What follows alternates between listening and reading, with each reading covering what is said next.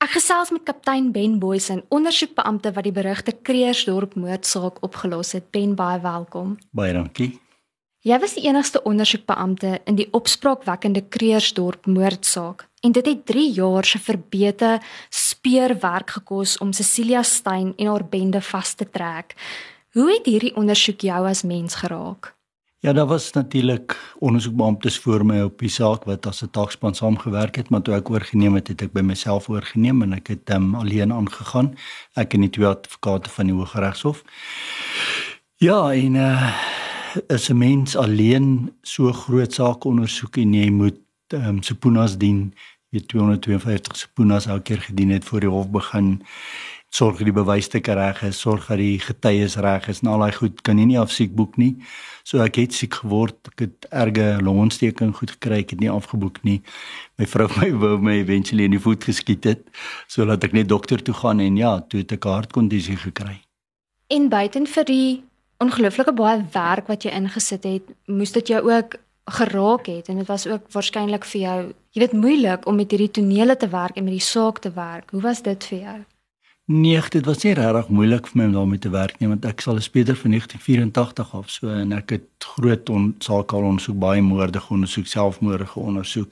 Ek was in die 80s in die onluste gewees, daar het ek baie erger goed gesien en so aan. So nee, um, dit was maar net nog 'n saak, maar dit was 'n veel eisende saak omdat dit so groot was op die einde van die dag en so baie mense betrokke was. Ben het jy al ooit van tevore aan so 'n saak gewerk? Want wat ek steeds die klein kry is hoe so iets onder 'n mens se neus kan gebeur en dis seker 'n vraag wat ander mense waar ander mense ook wonder. Het jy al ooit van tevore aan so 'n saak gewerk en wat het jy die meeste verras?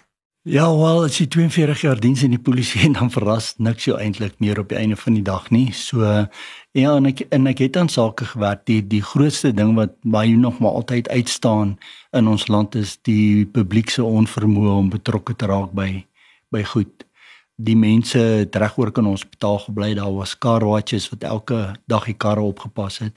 Hulle het gesien die oorledenes stop daar. Hulle het gesien die oorledenes gaan in die woonstel in. Hulle het gesien en eh, die mense wat in die woonstel bly kom staar die karre en trek dit binne agter in die woonstelle in. En hulle het nooit weer die die oor uh, jy weet die oorledenes gesien nie en ook nooit weer die karre gesien nie want hulle het by ander uitgang uitgegaan is waar die karre geparkeer was en môre lees hulle in die koerant van hierdie mense wat doodgemaak is en hulle gaan nie polisie toe nie. Jy weet die publiek sien baie maar wil nie betrokke raak nie. En dis maar met alle groot groot misdade wat jy kan sien maar die publiek moes hiervan geweet het of die publiek publiek het goed gesien wat nie vir hulle sin gemaak het nie en hulle raak net nie betrokke nie weet we don't want to get involved en dit is eintlik baie hartseer dat dit gebeur. Was daar van daai karwagte of daai mense wat gesien het wat gebeur het met wie jy toe nou onderhoude gevoer of ja. jy weet wat jy ondersoek het en toe daar agter gekom het hulle het moes eintlik geweet het. Ja nee, daar was um, ek het um, ek het met die karwagte gepraat en hulle het gesien die hulle kan vir my die mense beskryf het waar die karre gestop het alles en op die einde van die dag het Leroux en John Barnard afgekom en die karre kom intrek agter in die woonstelle in en môre het hulle gesien maar hierdie mense is dood en hulle het niks gesê nie maar ook Ek dink ook dat die meeste mense wil nie betrokke raak nie uit vrees uit. Jy weet, vrees vir vengeance en en al daai tipe goed. En jy's nou maar 'n kar wag en jy kry nou maar 'n paar rand. So jy pas nou karre op en nou raak jy betrokke by goederes en dan die mense wat in beheer is van jou, jy weet, gaan nou nie daarvan hou nie en hulle dank jou af, dan sit jy sonder 'n werk. So ja, en ehm um, ek weet nie dit is dit is net vir my baie hartseer dat die publiek 'n ophef maak nou van my oor hierdie ondersoeke en dit is veronderstel om normaal te wees. Weet, dit is my normaal in elk geval om om polisiewerk te doen en so aan en dit is hoe graag die publiek wil hê dat daar iets goeds in die land moet gebeur. Jy weet, want dit is heeltyd net slegte nuus en nie het ek mense tronk toe stuur en dis verskriklike goeie nuus en nou word ek op 'n pedestal geplaas en ek se superkop en al daai tipe goed. Dit is eintlik vir my baie baie hartseer dat dit nou uh normaal is bo die abnormaal. Dit is veronderstel om normaal te wees. Het jy met hierdie spesifieke saak of net nadat die saak opgelos is ooit dreigemente ontvang en hoe het jy dit hanteer? Ja, ten tye van hierdie hofsaak het ek baie dreigemente ontvang. Daar was op 'n kolle miljoen rand op my kop gewees, maar nadat almal tronk toe gegaan het, het ek inligting gekry dat Cecilia hier op my jongste dogter gesit het om haar uit te haal. So ja, daar sal maar altyd roemers wees en ou sal maar altyd maar oor jou skouer moet kyk want ehm um, jy weet sy het mense buite die tronk gekry om mense te vermoor. So sy sit nou saam met 'n klomp kriminele. So jy weet wat kan sy hulle konwins om te doen op die einde van die dag? Nou in hoofstuk 38 van die boek uh, vertel jy dat jy nooit werklik erkenning vir jou ondersoek na die Kreersdorp moorde gekry het nie. Waarom was dit vir jou moeilik? Dit was nie regtig vir my moeilik geweest nie, maar dit was dit is net vir my jy weet dit was op die einde van my polisieloopbaan. Ek het een van die grootste sake nog in die land opgelos. Ek het die grootste fondse gekry seker wat daar te kry was. Jy weet daar's altyd uh, ou verwag maar altyd van jou bevelvoerders op die einde van die dag om net te sê jy's goeie werk. Ehm um, weet dankie en en so aan. So maar um, weet die hoks was baie kwaad vir my as gevolg van my en my vorige bevelvoerders se se geskiedenis. So ek het geen ondersteuning van die hokse kry nie op die einde van die dag met hierdie ondersoek nie en ek het ook op die einde van die dag geen dankie gekry van die hoks nie. Maar die hoks val nog steeds onder die Suid-Afrikaanse polisie want dit is eintlik maar ou organized crime. En ehm um, ja, die enigste mense wat my regtig geluk gewens het was generaal Boshi Engelbreg en daai ouens wat al reeds uit die polisie uit is wat voorheen speders was en wat weet geweet het wat dit vir my moes verg om hierdie saak te onderloop. So hy en generaal Boysen en en daai tipe garde het het my wel persoonlik gebel en vir my sê goeie werk en en so aan maar die polisie asoks nee ek het by niemand behalwe natuurlik brigadier Victor wat wat hulle aangestel wat my aangestel het vir die ondersoek maar hy was ook daai tyd al af hy was ook nie meer deel van die polisie nie so ja behalwe van hom ehm um, is daar nie regtig enige iemand van die Suid-Afrikaanse polisie wat vir my sê het ou het goeie werk gedoen nie Ben, wanneer mens jou boek lees, kom mens agter dat geregtigheid vir jou baie belangrik is en dit het ook 'n rol gespeel toe jy weg is by die valke. Is dit ook waarom jy aangehou het vir 3 jaar om hierdie saak op te los of wat het jou gemotiveer om aan te hou?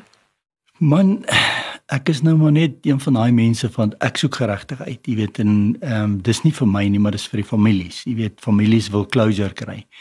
Maar jy weet op die einde van die dag is dit ook moeilik vir hulle Jy weet ek het nou die die moordenaars tronk toe gestuur, maar nou word die moordenaars versorg deur die staat. So dit gaan maar altyd vir hulle 'n teer puntjie wees en hulle gaan maar altyd nie gelukkig wees met hoe dit verloop het nie. Maar ek glo as jy 'n kriminele oortreding gepleeg het en um, dan moet jy daarvoor boet. Jy weet ongeag hoe boete betaal of um, tronkstraf of gemeenskapsdiens of enigiets van daai maar daar's altyd gevolge vir iets wat jy doen. So jy, jy moet dit is maar en dis hoekom ek 'n polisieman geword het. Jy weet geregtigheid moet geskied op einde van die dag. So ons gesels vandag spesifiek oor jou boek op die duiwelse spoor waarin jy jou verhaal deel en jou storie vertel as ek maar so kan sê. Waarom um, wou jy graag hierdie boek geskryf het? Ek wou nie regtig graag die boek geskryf het nie, weet ek en Jana het die ander boek geskryf oor die kreesopmoorde en ek wou nie regtig spesifiek dat dit oor my gegaan het nie, want dit gaan oor die moordenaars en oor die families en al daai goed en ja, en toe daar 'n publisher my genader en ehm um, Mel en sy was imminent um, dat ek moet sy moet my lewe vir vertel. Ag en op die einde van die dag het my vrou gesê ja man, go for it, jy weet, vertel jou storie, want almal almal wat betrokke was by by hierdie moorde, almal het 'n storie om te vertel. So ja, toe het ek nou maar ingeskik en my lewensverhaal vertel saam met 'n paar ekstra goed wat in die boek verskyn wat nou glad nie op die televisie was nie en ook nie in my en Jana se boek nie. En hoe het jy gekies wat om in die boek te vertel? Want ek weet daar's korrespondensie, daar's briewe wat nie geredigeer is nie wat net so in die boek verskyn het. Vertel my kortliks oor daai proses. my skryfster is eintlik van um, Sunday Times. Sy het voorheen gewerk met met misdaad en al daai tipe goeters. So alles wat ek het het ek op die einde vir haar gegee, alles. Ek het vir haar baie baie goed gegee en ja, sy het maar op die einde besluit dit is dis maar belangrik om om hierdie goed in die boek te sit want dit dit gaan ook baie vrae van die publiek antwoord. Ehm um, as jy sien wat die mense self in hulle verklaringe geskryf het. So sy was maar die maar die slim een daar nie ek nie. Nou Ben vanaf die boek verskyn het en voor dit eintlik met die TV-reeks Devilsdorp het baie meer mense ehm um, jou leer ken. Wat is die vraag wat jy die meeste van ander mense afkry? Wat wil mense die meeste weet van hierdie saak waarna jy gewerk het? Die meeste mense wil weet hoe ek survive. So dis maar die eerste vraag wat hulle vra is, jy weet, hoe kon jy dit doen en hoe kon jy syn bly en al sulke goed en dan is dit maar oor die kinders gegaan, jy weet. Hoekom Marcel en hoekom Leroux en hoekom het ek nie vir Marcel gehelp nie, hoekom het ek vir Leroux gehelp en so dan verduidelik ek maar vir hulle die proses wat gevolg was en natuurlik Marcel wou glad nie met my gepraat het nie. So sy was nie bereid om A sê te sê tot op die einde van die dag in die hof toe sy sien hoorie maar alles loop nou skuins en ehm um, ja, toe sy die kinderkaart gespeel of probeer speel maar die regter het nie daarvoor geval nie. Maar as mense dan by jou wil weet hoe het jy oorleef? Wat antwoord jy dan vir hulle? Met die Here se genade, dit is maar eintlik al hoe mense oorleef. Ehm um, so om sy te bly en ek het geoefen, ek het gegym. Natuurlik na my hartkondisie kon ek daai nou nie meer doen nie. Maar ehm um, ja, dis maar net met die Here se genade en in jou familie wat jou ondersteun. Ehm uh, my vrou en so aan want jy kan nie met jou kinders en met mense op die straat praat oor die ondersoek nie want dit is moeilik. Ehm um, want dan kom goed uit wat nie veronderstel is om uit te kom nie. So my vrou was 110% betrokke saam met my met hierdie ondersoek. Sy's maar die een wat my my regte paadjie gehou het dat die tor nie afklim nie. Maar sy is ook in die polisie diens. Ja, en dit ja, is nee. hoekom hoekom Ja. sy so groot rol gespeel het. Ek dink dis Ja. ook belangrik om dit vir mense te sê. Ja, ja, nee, sy sy polisie? sy sy's 'n volkolonel op die Wesrand, ja. So, maar baie slim, baie slimmer as ek.